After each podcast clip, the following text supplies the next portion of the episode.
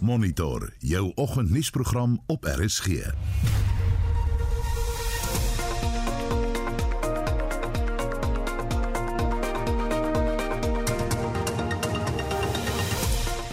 Dis nou 13 minute oor 7 in die nuus. Die Weste reageer met nog sanksies, breedvoerige sanksies nadat Rusland soldate in die ooste van Oekraïne ontplooi het. Faced with the beginning of Russia's invasion of Ukraine, we started high and will stay high. The sanctions that we've already announced go well beyond what we did in, in 2014. We have comprehensive sanctions against Russian sovereign debt. What that means is that we're cutting off the Russian government. Net hierna praat ons met twee ontleeders oor die jongste verwikkelinge. En veelpartytjie-koalisies word in Tshwane, Ekurhuleni en Johannesburg geformaliseer. Yes, what persuaded us at the end was positions. We are unapologetic about the fact that we wanted power, power to change the lives of our people. The base that supports us, you know, it's people that don't have jobs, people that are so used to their CVs being thrown in the bin. Dankie dat jy by ons aangesluit het. Ek is Oudo Karelse. En goeiemôre, ek is Anita Visser.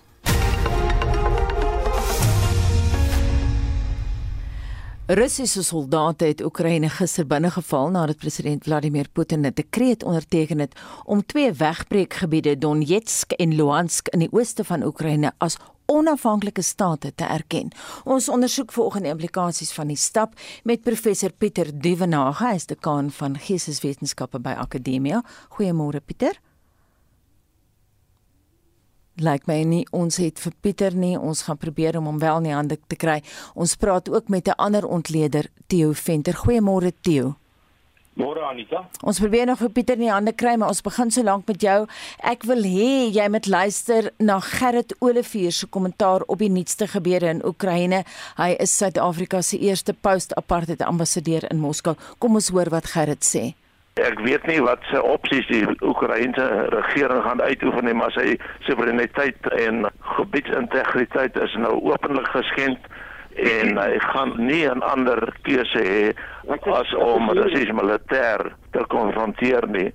Die oomblik is dit natuurlik 'n baie tentatiewe situasie want Oekraïne is die swakker moontlik. Hy het baie om prys te gee. Diplomatie het nou sy einde bereik. Na al die gepraat dat ons diplomatie 'n kans moet gee, het Putin nou bewys dat hy hom nie daaraan steur nie. Die weste het nou seker besef dat hulle nie meer Putin kan glo nie. Hy het leuns vertel en sy doel bereik. Die volgende stap is nou sanksies. Die tekens is dat die sanksie masjien nou in werking gaan tree en dit beloof om die grootste sanksieveldtog te wees wat ons nog gesien het en nou moet die weste net bewys dat hulle dit suksesvol kan afhandel. Die uh, kwessie is nou net of die weste sy eenheid en samewerking gaan voortsit teenoor Rusland en of Putin nou weer die verdeeldheid in die weste gaan uitbuit tot sy voordeel. Die ronde het hy gewen. Kom ons begin by jou Theo, stem jy saam met Gerrit Olivier dat hierdie Putin se ronde is? Ja, ek dink grootliks um, is professor Gerrit Olivier reg. Ehm um, die ding kom daarom 'n lang tyd en 'n mens kon deur die loop van tyd sien um, dat Putin is nie 'n onnodige 'n uh, uh, risikonemer nie. Hy het versigtig gemanoeuvreer en uiteindelik reggekry wat hy wou regkry want hy sit nou wesentlik op 'n 280 km grens van die Oekraïne met meer soldate as wat die weste saam kan voeg en ehm um, soos ons nou gesien het gister het hy stadig maar seker en versigtig moet ek byvoeg ehm um, begin opereer Pieter stem die die EU NAVO in die weste nou eintlik saam dat wat gister gebeur het wel 'n inval was Ja, Oudo, um, ek hoop julle kan my nou hoor. Uh, hoor julle my? Ons hoor ja. jou baie goed, ja. Ja, so dit is lekker om met julle te praat met die luisteraars. Ehm um, kyk, uh die weste is 'n komplekse alliansie want mens moet onthou dit dit strek vanaf Washington, weet die FSA oor die Europese Unie uh, wat self 'n komplekse organisasie is en NAVO en hulle moet 'n verenigde posisie ontwikkel van 'n aard. Ek dink um, as ek jou vraag moet beantwoord, ek dink daar's redelike uh ehm um, verenigdheid in die Wes op die oomblik want ehm um, soos professor Gerrit Olivier ook uitgewys het dat ehm um, Putin speel hier 'n spel wat nie uh weet wat wêreldwyd nie as ehm um, baie uh, staatsmanlik vaar word nie. So ek dink ehm um, daar's daar's goeie eenheid nou in die weste. Uh en dit is natuurlik ook soos ons gehoor het nou hoofsaaklik rondom sanksies. Ons moet net onthou uh Oudo dis 'n laaste kant aantekening van my dat ons praat hier van twee baie klein gebiede in die ooste van Oekraïne. So ons praat nog glad nie van Rusland wat ehm um, sy kaarte wys om die hele Oekraïne in te val nie. Ons moet net dit in gedagte hou. Theo die VN se sekretaris-generaal Antonio Guterres het sy besoek aan die DRK gister gekanselleer om op Oekraïne te fokus. Hy sê baie sterk en duidelik dit is strydig met die Minsk-verklaring van September 2021.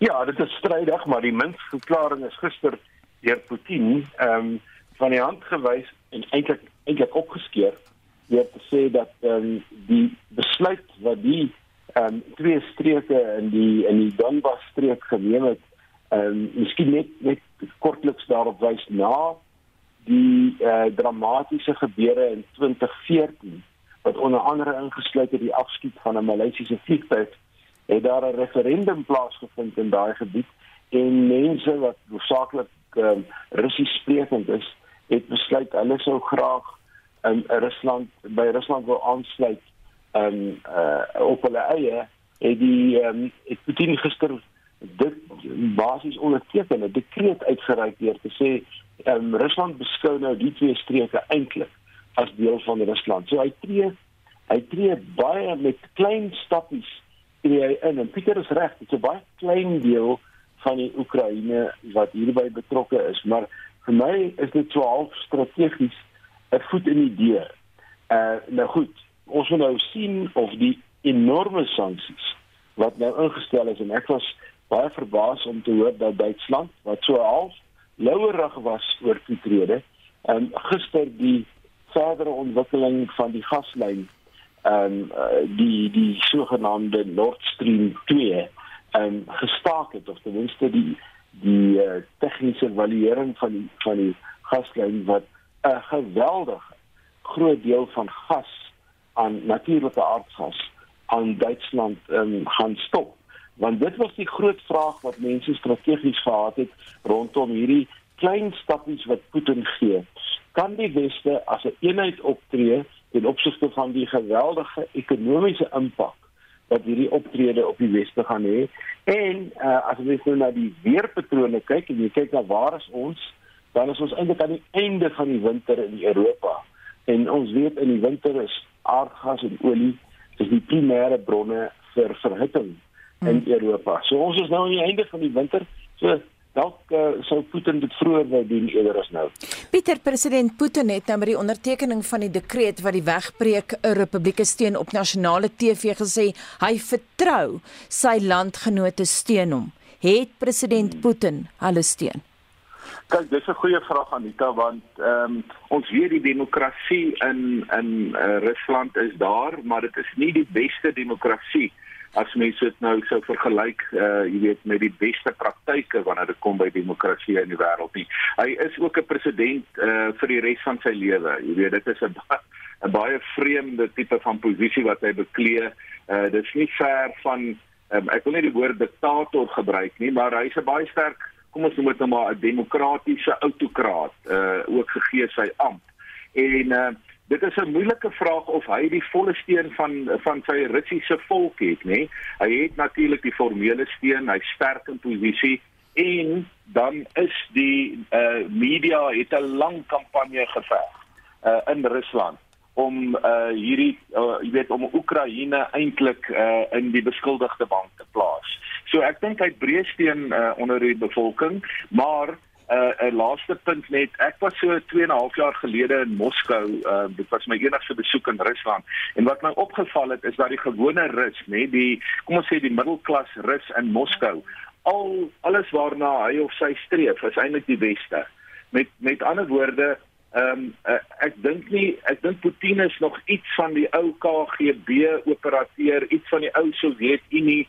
Ehm um, wat nog nie volledig begryp het maar Rusland se toekoms is met goeie verhoudinge met die weste verbind nie. En daar kan dalk 'n kortsluiting wees tussen Putin en sy volk want ek dink die deursnee Rus sien sy toekoms meer by die weste as sê maar byvoorbeeld by China of elders by ander magsblokke in die wêreld. So dis 'n interessante kortsluiting vir my daai binne Rusland. Ja, Pieter net so vinnig, daar word nou vanuit Rusland berig dat uh teen gister 61000 mense die oosterse uh, stede of uh, nie verklaarde republieke nou na Rusland uh, verlaat het. Hoekom sou jy dan nou Donetsk en Luhansk verlaat as jou verlosser daar juis nou opgedaag het? Ja, dit is 'n goeie vraag, Udo.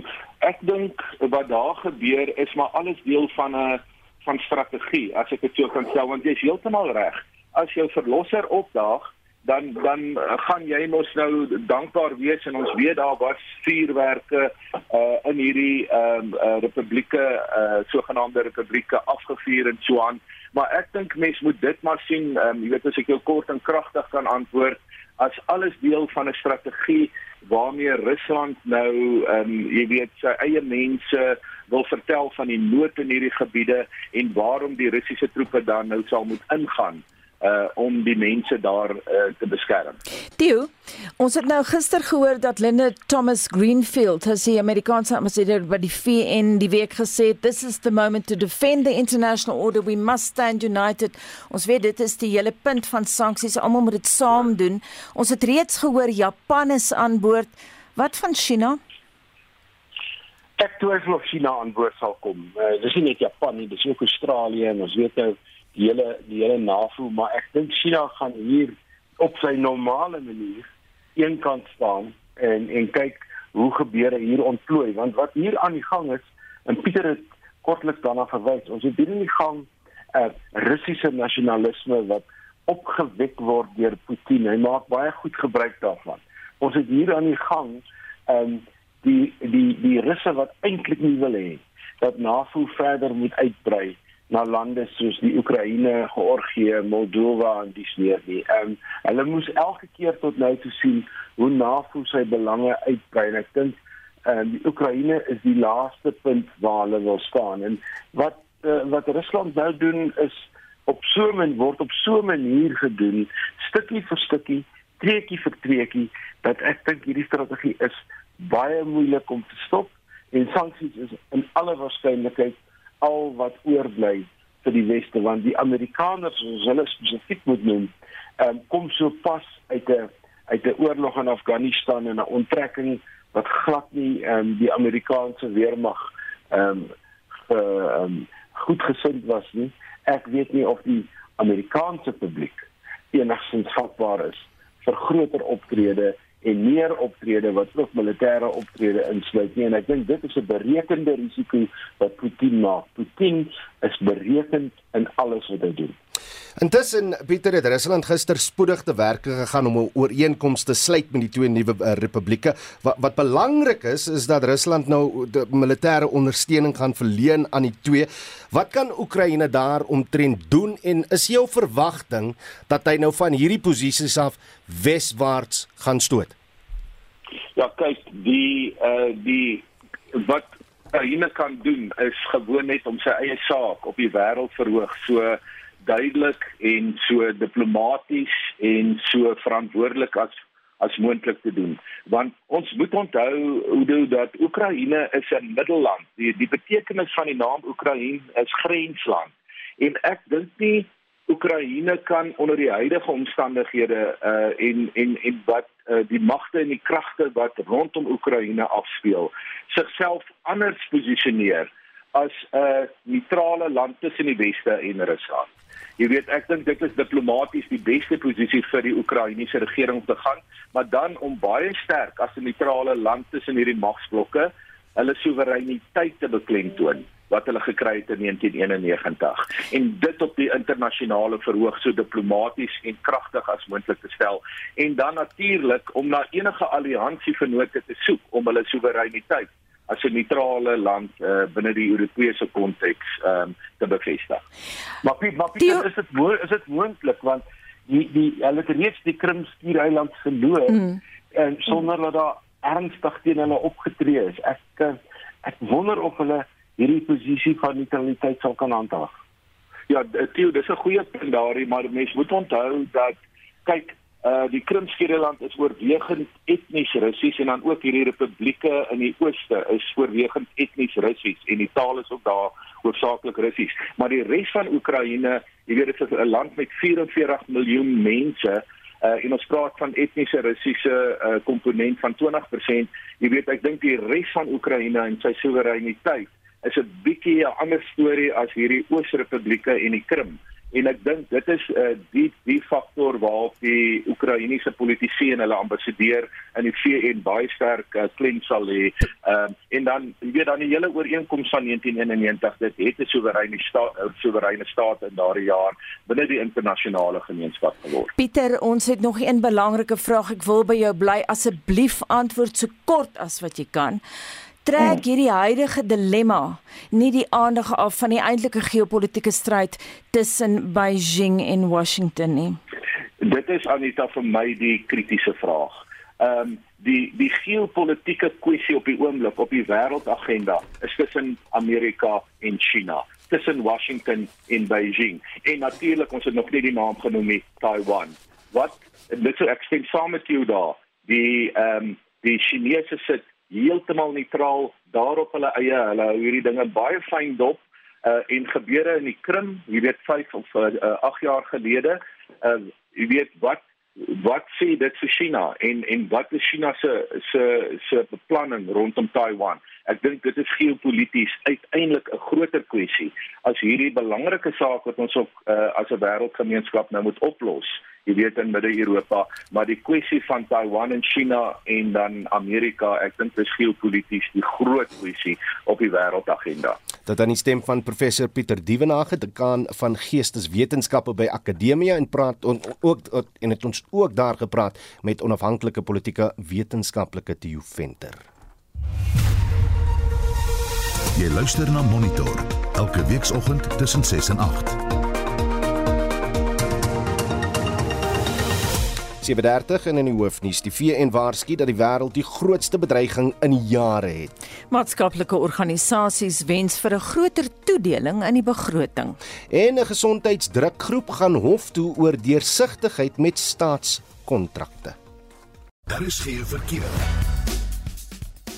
In Kaapstad is druk verkeer op die N2 in die rigting van die stad by die Jakes Gerwel afrit en in Johannesburg beweeg verkeer teen 'n slakkepas op die M1 Noord vanaf Xavier in die rigting van die Crown wisselaar en daar's baie druk verkeer in Randpark Ridge op John Foster en Eysterhoutweg tussen Hilleryweg en President Forsie. En daar staan ook 'n voertuig op die N3 Suid op Linksveldweg en die regterbaan word versper. In Pretoria is druk verkeer in Queenswood op Seer Swart tussen Stormvolweg en Soutpansberg en in KwaZulu-Natal staan 'n voertuig op die N3 Wes net na die Pavilion afrit en die linkerbaan daar word versper en daar's ook druk verkeer op die N2 Suid by die EB Kloete wisselaar. As jy enige ander verkeersnuus het, stuur vir ons 'n SMS na 45889. Onthou dit kos R1.50 en begin die boodskap met die woord verkeer. Johnny jy die vloer. Kom ons val weg met nog terugvoer soos gedeel op die WhatsApp lyn. Valencia McKenzie spraakterapeut van Caledon. Ek sal wil hê dat daar moet meer geld toegeken word aan vroeë kindontwikkelingsprogramme in terme van die bemagtiging van opvoeders, ouers en die toekenning van genoegsame hulpbronne. Enige gemeenskap sal ook baat vind by meer plekke van veiligheid en trauma sentrums. Ons kinders sal ook baat vind by die ontwikkeling van vaardigheidsbane in gemeenskappe en dan definitief holistiese gemeenskapsontwikkeling inisiatiewe. Ek is Damaris Kiewits van Bellaar in die gesondheidssektor en my verlange van die begroting vir vanmiddag is dat ons gaan kyk na die infrastruktuur binne gesondheid sowel as in die land. Engela skryf op Facebook uh, die wat het sal nog kry, die mense wat nie het nie sal van weggeneem word. Al sê hy ook wat, daar sal altyd mense tevrede wees en daar sal altyd mense wees wat nie tevrede is nie. Dis 'n bose siklus wat al vir jare herhaal word, is die mening van Engela. Johanna sê ou mense moet maar dankbaar wees vir die bietjie pensioen. Dis nog steeds beter as geen pensioen. Rika skryf geen verhogings vir staatsamptenare kry uh, ons kry in elk geval nie diens uit hulle nie. Katrein Diedriks deel op Facebook mens verwag absoluut niks. 'n Klip het meer tekens van groei en verandering in waarde as wat op ons staatsvlak aangaan. Petrus skryf eenvoudig: gee dit 'n nuwe naam, berowingsrede. Griet Meyer sê hy moet 'n uh, verligting gee op petrolpryse as ook kospryse. Dit wurg ons pensionaarsse en Jan Alleman. En Mariaan Kerstein wat op Facebook skryf, hy moet eerder werk skep dat mense werk vir hulle geld as wat hul bakkant by die regering staan. As mense werk vir hulle geld, sal diefstal afneem. Verminder regeringsamptenare se salaris, hoekom moet hulle teen duurste betaal word vir niks gedoen nie en net die land se geld mors strooi. Laat weet ons wat jy dink op ons SMS lyn 45889 SMS kos jou R1.50. Jy kan vir ons 'n stemnota stuur na 0765366961 of jy kan gaan saampraat op ons Monitor en Spectrum Facebookblad. Reg ons wêreldnuus gaan nou weer eens fokus op wat in uh, Oekraïne en Rusland plaasvind, maar ons het nou reeds vanoggend breedvoerig ontleding gekry oor Rusland se aanval of of inval in uh, Oekraïne. Uh is die de Klerk staan gereed net om om ons net te laat weet hoe die sanksies deur westerse leiers gister aangekondig is teen Rusland. Estie, goeiemôre. Ja, Udo, terwyl die VS se president Joe Biden sê Putin se stap om die twee streke, dis nou die streke in um, Oos-Oekraïne as onafhanklik te erken, 'n duidelike oortreding van internasionale wetgewing is, het Australië se eerste minister Scott Morrison dit ook ten sterkste veroordeel en die FSA en Brittanje beskou Putin se besluit as die begin van 'n inval in Oekraïne. Die FSA het finansiële sanksies teen Rusland ingestel en hier is president Biden. He asserted that these regions are actually extend deeper than the two areas he recognized, claiming large areas currently under the jurisdiction of the Ukrainian government. This is the beginning of a Russian invasion of Ukraine as he indicated and asked permission to be able to do from his Duma. I'm going to begin to impose sanctions in response far beyond the steps we and our allies and partners implemented in 2014. Nou Biden het gesê meer sanksies sal ingestel word indien dit nodig sou wees. Brittanje se eerste minister Boris Johnson het sanksies teen 5 Russiese banke en 3 individue ingestel. Japan het ook finansiële sanksies ingestel en Duitsland het aangekondig die hoofgaspyplyn na Rusland sal nie langer in werking gestel word nie. En dan verskuif ons nou die fokus na 'n dorpie in die suidweste van Burkina Faso waar ten minste 60 mense dood is, is die na 'n ontploffing in 'n goudmyn. Ja, Oudo, daar's nog nie baie inligting daaroor beskikbaar nie, maar volgens ooggetuies is die ontploffing veroorsaak deur dinamiet wat aan die brand geraak het. Reuters berig huise is deur die ontploffing verwoes en beseerdes wat vroue en kinders insluit is na hospitale geneem en die plaaslike owerheid ondersoek die voorval. En dit was Estie met 'n kort oorsig oor vandag se wêreldnuus.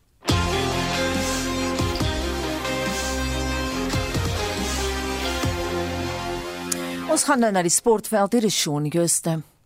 In vanoggend se bydrae verskeie cricket en sokker uitslae en die Suid-Afrikaanse tennisspan vir aanstaande maand se Davis beker kragmeting teen Israel is bekend gemaak. Ons begin met cricket nuus. In die KSA T20 uitdaging in Kaapberge het die Titans die Northwest Dragons gister met 33 lopies afgeronsel en is die nuwe voorlopers op die punteleer op 24 punte. Die Protea speler Heinrich Klaasen het goed met die golf gevaar en 54 nie uit nie vir die Titans aangeteken. Die Knights het die Boland Rocks met 3 lopies uitoorlê. Die Rocks bly derde op die punteleer en is reeds deur na die halfeindronde. In vandag se laaste groepswedstryde kom die Westelike provinsie vanoggend 10:00 teen die Dolphins en die Warriors vanmiddag 0:30 teen die Dragons te staan.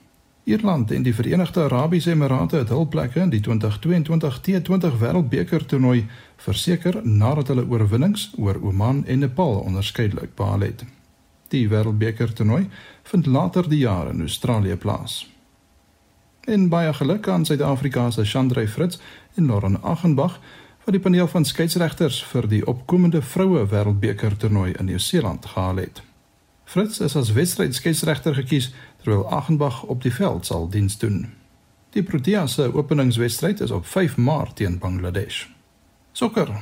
In gisteraand se eerste been wedstryde in die Kampioenligga se laaste 16 ronde het Chelsea 2-0 teen Lille geseëvier en die wedstryd tussen Villarreal en Juventus het 1-1 gelyk opgeëindig.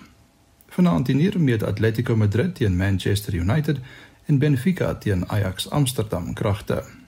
Gisteraand se DStv Premierliga wedstryd tussen AmaZulu en TS Galaxy het geen doele opgelewer nie.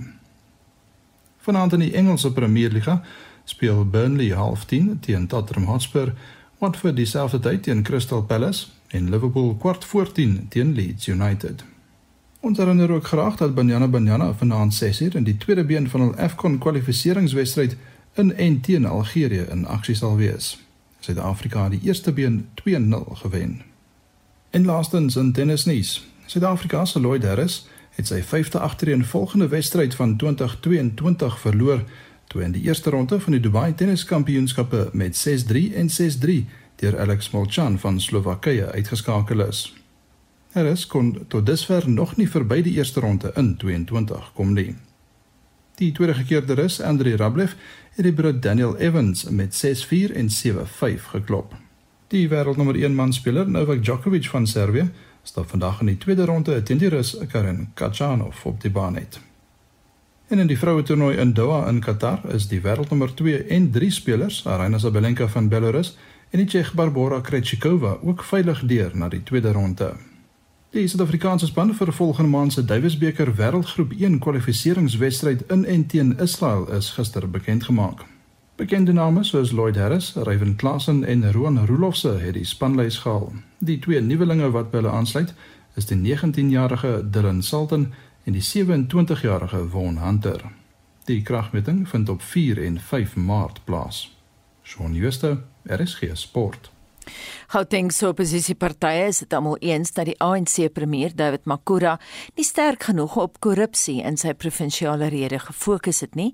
Nou die partye is vasbeslote om in die toekoms ook op provinsiale vlak 'n koalisieregering um soos in 'n aantal metros te vorm en ons praat ver oggend daaroor met John Moody van Action SA. Goeiemôre John.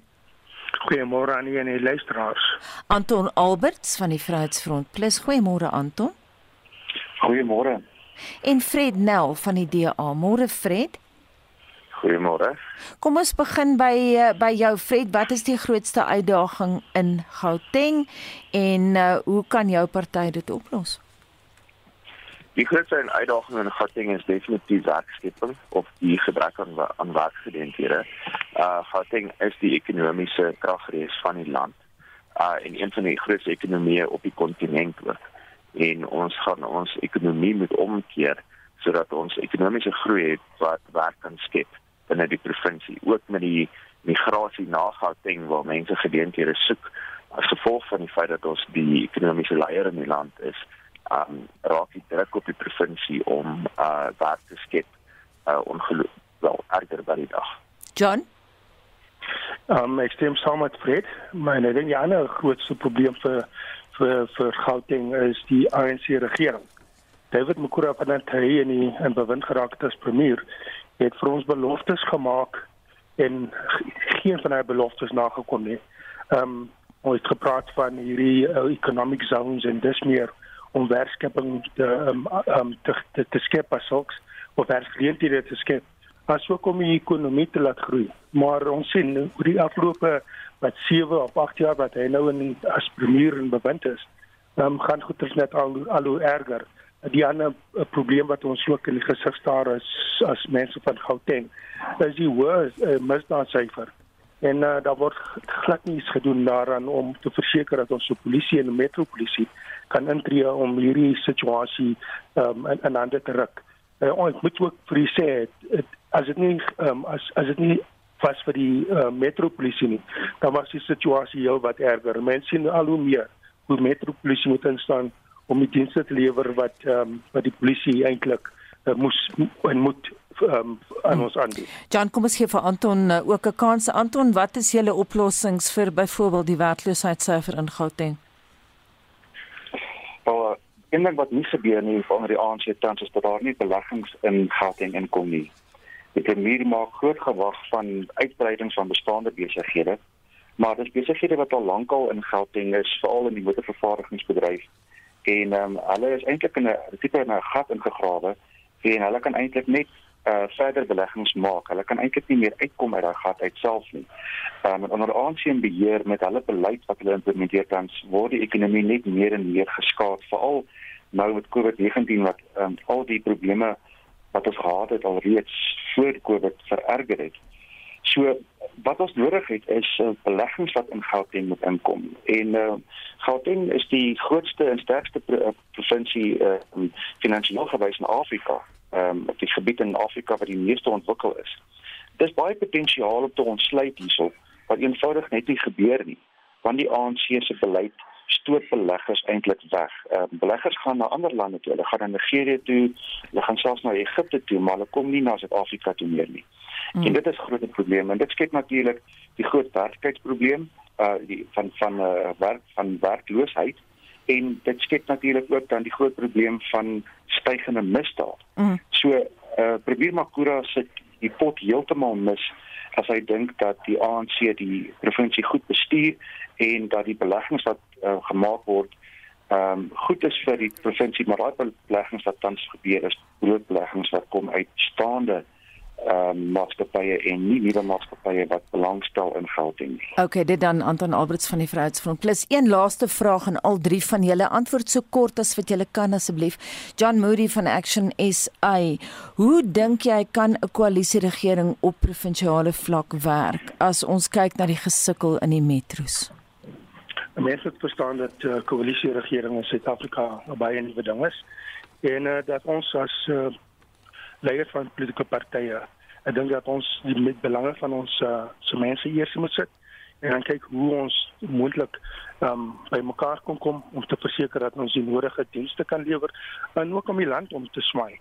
Want ons weet om die koers waarin ons heilig gaan ehm um, beloof vir ons niks nie, vir drie vorentoe. Mm -hmm. so, Fred, ek wil dink 'n samewerking, ja. Fred, ek wil vir jou ook vra op 'n praktiese vlak, daai samewerking, hoe kan dit werk? Kyk, ons doel natuurlik is om te probeer om 'n meerderheid te kry in 2024. Um want die koalisies is nogals moeilik om te bestuur by tye.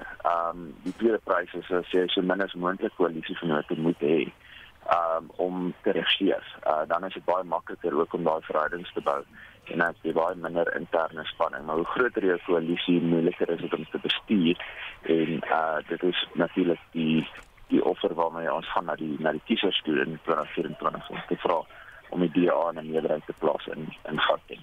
En dit is moontlik want die ANC is reeds uh onder 50% na die afgelope verkiesing in Gauteng en daar is die definitiewe kans dat ons hulle die stoel kan in 2024 wat om te raak. Jy jy praat 'n bietjie lank ons moet vir Anton ook 'n kans gee van die Vryheidsfront Plus. Um, Anton Kortlitz. Die koalisie landskap. Um, ons gaan al hoe meer koalisies sien in die toekoms. Uh, die kiesers het besef dat hulle um, kan stem vir die party waarin hulle glo en waar hulle hart is en dat daardie party dan na die tyd wel met mekaar se kan saamwerk om 'n regering te vorm. So ek dink nie ons beweeg in 'n situasie in waar daar ehm um, weer 'n twee party stryd gaan wees tussen die ANC en die DA of wie ook al die grootste ander party gaan wees nie, maar dit ons uiteindelik na 'n plek te beweeg waar selfs die ANC onder 50% gaan val mm. en dat die partye dan mekaar moet vind daarna om 'n nuwe regering te vorm en ons glo dat die blouder wat tans geskep is vir die plaaslike regerings veral hier in Gauteng ehm um, wel herhaal kan word op 'n provinsiale en nasionale vlak. Ehm um, die partye vind mekaar, dit is nie altyd maklik nie, maar ons het gesien dat um, selfs in Europa word koalisiepolitiek toegepas vanaf die Eerste Wêreldoorlog. Hulle het daai resept mooi uitgewerk. Mm. Ons is in die begin daarvan, maar ons sal dit wel regkry want ons het een uh, gemeenskaplike oogmerk en dit is om die ANC uit die stoel te lig en beter dienslewering te gee vir die mense van Suid-Afrika en hierdie land reg te ruk. Ons sal moet haltroep daar dit dan Anton Alberts van die Vryheidsfront Plus. Ons het ook gepraat met die Gautengse DA voorsitter Fred Nel en Action SA se Gautengse leier John Moody. Skuif van Gauteng na die Weskaap en die Weskaap se ANC se tussentydse bestuur het aangekondig dat die Dula Omar streek ontbind word. Dit is die party se grootste streek in die provinsie. Ons praat hieroor met die ANC se Cameron Dankmore, leier van die oppositie in die Weskaap se wetgewer. Cameron, môre welkom by Monitor. Wat dink jy sou Baie gebeur dankie. het? Uh, jammer om jou in die rede te val. Daar wat dink jy sou gebeur het as die besluit om die streek te, te ontbind nie gedoen is nie? Ek dink ons ehm um, ons is besig met 'n proses van van hernuwing um, en herbou van die ANC en in Desember maand het ons met al die streke bymekaar gekom en hulle was tekens gegee in terme van hoeveel takke hulle moet op been bring. En die Della Ouma streek was heeltemal agter en almal is veronderstel om streekse konferensies te hou in Maart maand en dit het duidelik geword dat hulle nie in 'n posisie sou sou wees om by hulle konferensie uit te kom en dis hoekom ons besluit het as die interim bestuur van die Weskaap um, om om hulle te ontbind en hopelik met 'n met 'n span om te fokus op die ehm um, reëling van die konferensie en seker te maak jy sien in elke streek is daar 'n getal weke en om 'n konferensie te hou soek ons 70% van daai weke in 'n streek ehm um, moet takke van die ANC hê en hulle is baie agter en ek dink die ehm um, op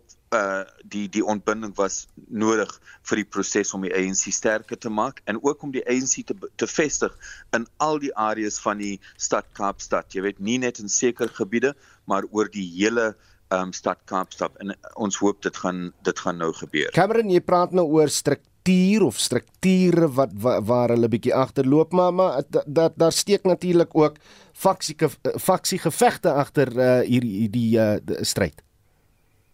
Ehm um, jy weet dis dis uh, daar word ehm um, so gesê en ek meen die Kalneas en ek weet nie vir wie hy eintlik teenwoordig jy weet hy het byvoorbeeld ingekom en gesê dis ehm um, uh jy weet 'n faksionele optrede maar ek weet nie wie luister vir Kalneas die daar het die daar maar die punt wat ek wil maak iemand soos hy wil sê dit is 'n um, 'n faksie optrede maar in terme van die besluit uh, die Suid-Kaap het het 'n uh, vordering bewys die Karoo uh, die Weskus die Boland en die Oeverberg so in terme van wat ons gesê het in Desember maand, jy weet, was dit duidelik dat ons moet nou optree in die Dalle Ouma. So natuurlik daar is verskille. Mense uh, posisioneer hulle self om leiers te word in die verskillende streke, maar ek kan sê dat die rede hoekom ons die besluit geneem neem het, was om seker te maak dat Dalle Ouma eintlik na 'n konferensie toe, toe sal gaan met genoeg takke. Minstens 100 mense het al reeds uh, oor hierdie kwessie betoog uh, by die party se so provinsiale hoofkwartier. Deur wie is dit begelei en wat is hulle grootste bron van kommer? Ehm um, ek praat nou van die vergaderings met ehm um, Paul Machatile hmm. verlede jaar. Hmm. Ja. Ehm um, nee, ek dink dit was ehm um, 'n klomp van die takke ehm um, en lede van die Dalla Omar wat uh gevoel het ehm um, dat die organisasie was nie oopgemaak vir hulle om om deel te neem in die takke. So hulle het gepraat van sogenaamde gatekeeping. Hmm. En ek dink hulle het probleme um, met met um Paul Machatile verlede jaar um uh jy weet geopper en so aan. Ja. Hoe hoe lank kan die tussentydse bestuur onder die leiding van Leruma Kalako nog nodig wees? nee, soos u weet, um al die streke moet konferensies hou. Studie, ek het al uh, klaar hulle name genoem ja. en na daai konferensies klaar is moet die Weskaap gaan na prov provinsiale konferensie. So die interim uh komitee gelei deur Lerumo Kalako moet dan by daai uh vergadering 'n verslag gee en nuwe leiers vir die Weskaap moet op daai punt uh, gekies word. En dit is ook belangrik vir ons as 'n provinsie om sterk takke te hê want ons wil ook 'n sê hê by die by die nasionale konferensie. Ehm um, en soos jy miskien weet in 2017 was die Weskaap die uh, die die kleinste ehm um, ons het die kleinste delega delegasie gehad by daai konferensie selfs kleiner as die Noord-Kaap mm. terwyl ons moet eintlik die 4de of die 5ste grootste ehm um, delegation hê. So ons wil hê dat die Weskaap moet sy konferensie hou waar 'n nuwe provinsiale leierskap gekies kan word en dat ons stem dik gemaak sal word by die nasionale konferensie nie net in terme van beleid maar in terme van wie moet dan die ANC lei op 'n nasionale vlak. Ehm um, die ander partye nou op die radio het gepraat dat hulle wil ehm um, teen die ANC ehm um, uh jy weet bymekaar kom mm. ons onder 50% en ons sê as die ANC ons het foute gemaak, ons moet terug na die mense gaan sodat ons kan seker maak dat ons in 'n sterk posisie is in 2024 en ons het uh ons moet dan regte vaar die regte leiers met integriteit ehm um, kies sodat die die kiesers kan weer vertroue um, in die ANC hê. Cameron Nagbor is die ANC leier in die Weskaapse wetgewer. Die Gauteng Saadjong Polisiekommissaris Major-Generaal Tommy Mtombeni het aan die Menseregte Kommissie se verhore oor die Julie 2021 onluste gesê dat hulle vinnige hulpbronne moes mobiliseer om die bedreiging te hanteer. Mtombeni is die tweede getuie om by die kommissie se Gautengse verhoor in Sandton, Johannesburg te getuig. Die minister van Polisie, Bekkie Cele, was maandag die eerste getuie by die verrigtinge. Vincent Mofokeng het meer. Generaal-majoor Tommy Mtombeni se getuienis moes handel oor beweringe van die uitgelekte dokumente wat oor die polisie se operasieplan terwyl die Julie onrus gegaan het. Mtombeni sê die lekkasie het die polisie genoop om die plan terug te trek wat bedoel was om die onstuimige situasie in dele van Gauteng te versag. Hy sê 'n senior lid van die polisie is daarna verantwoordelik vir die uitlek van die dokument gehou. Hy sê die lekkasie is selfs buite die grense van Suid-Afrika opgespoor. Umtombeni het op vrae van een van die kommissarisse, advokaat Boang Jones, gereageer. To date, have you taken any steps against any members? Do you take any responsibility as the then acting provincial commissioner? Consequences management has to be applied, which uh, one has to apply the principles of labor relations. So, what happened in July unrest to say, for example, the Pan African Mall, we have to take somebody to the disciplinary process. Daar was ook ander kwessies om te hanteer.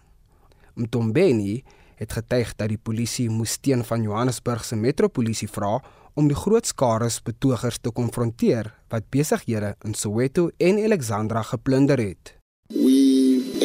Activated or we ensured that we put the resources to assist the Johannesburg district, of which we had a total of over 80 members. Those were activated to go and assist in that space, which include public order policy and uh, hard top vehicles. We also linked with the MEC to link up with the Johannesburg Metro Police because they're having a capability of a public order policy. Hy het uitgebrei oor die onvoldoende polisie hulpbronne aangesien die betogers wat aangehou het om besighede rondom Soweto en Alexandra te plunder baie meer as die polisie op die grond was. During that process of defending or trying to protect the looters not to loot firearms were used live rounds were used of which one of our members was shot on the left thigh and the two other members also sustained some injuries of which they were taken for medical treatment. Volgens Umtombeni is baie mense, insluitend lede van die polisie, geskiet en gewond tydens gevegte met die plunderaars. Hy sê baie is gearresteer vir die besit van vermoedelik gesteelde goedere. During this process, we were in a position to can arrest not less than 16 people for public violence in the surroundings of Alexander.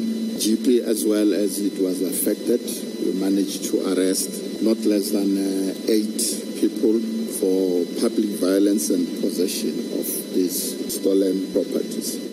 Sowat 350 mense is dood in die weeklange geweld en plundering wat besighede en infrastruktuur wat miljarde rand se skade berokken het. 12 verdagtes wat vermoedelik die opstokers agter die Julie onrus was, is sedertdien in hegtenis geneem en het in verskeie howe in Gauteng en KwaZulu-Natal verskyn. Die verslag van Vaniel Shuma. Ek is Vincent Mufokeng vir SAI Garnis. Daar is geen verkeer. In Kaapstad staan 'n voertuig op die N N2 in die rigting van die stad by Spineweg, die noodbaan word versper. Daar's drukverkeer op die N1 in die rigting van die stad op Jip de Jager en daar's ook drukverkeer op die N2 uit die stad uit op Victoria. In Johannesburg staan 'n voertuig op die N1 Noord by die Bekloewisselaar en die linkerbaan word versper en daar staan 'n voertuig op die R21 Suid net voor Voortrekkerweg en die linkerbaan word versper. En in KwaZulu-Natal was 'n ongeluk op die N2 Suid net na die Umgeni wisselaar en die linkerbaan word daar versper. En dis jou verkeersnuus op Monitor vir oggend, bestuur veilig waar jy ook al vandag ry. En dan is dit net so vinnig wat is op die dagboek. OK, is dit nie daar nie, dan groet ons uh Oudo, ekskuus. Daar is daar is hulle is die. Ons ja. weermag getuig vandag voor die Menseregte Kommissie wat die oorsake na die onrus en geweld ondersoek wat in Julie verlede jaar in Gauteng uitgebreek het. Ons praat met verskeie rolspelers oor hulle verwagtinge van die begroting en die openbare beskermer veg steeds voort om haar pos te behou. Ons moet groet namens ons uitvoerende regisseur Nicoline de Wee, die redakteur Hendrik Martin en dan ons klankingenieur Frikkie Wallis. My naam is Anita Visser. En ek sou Karlse.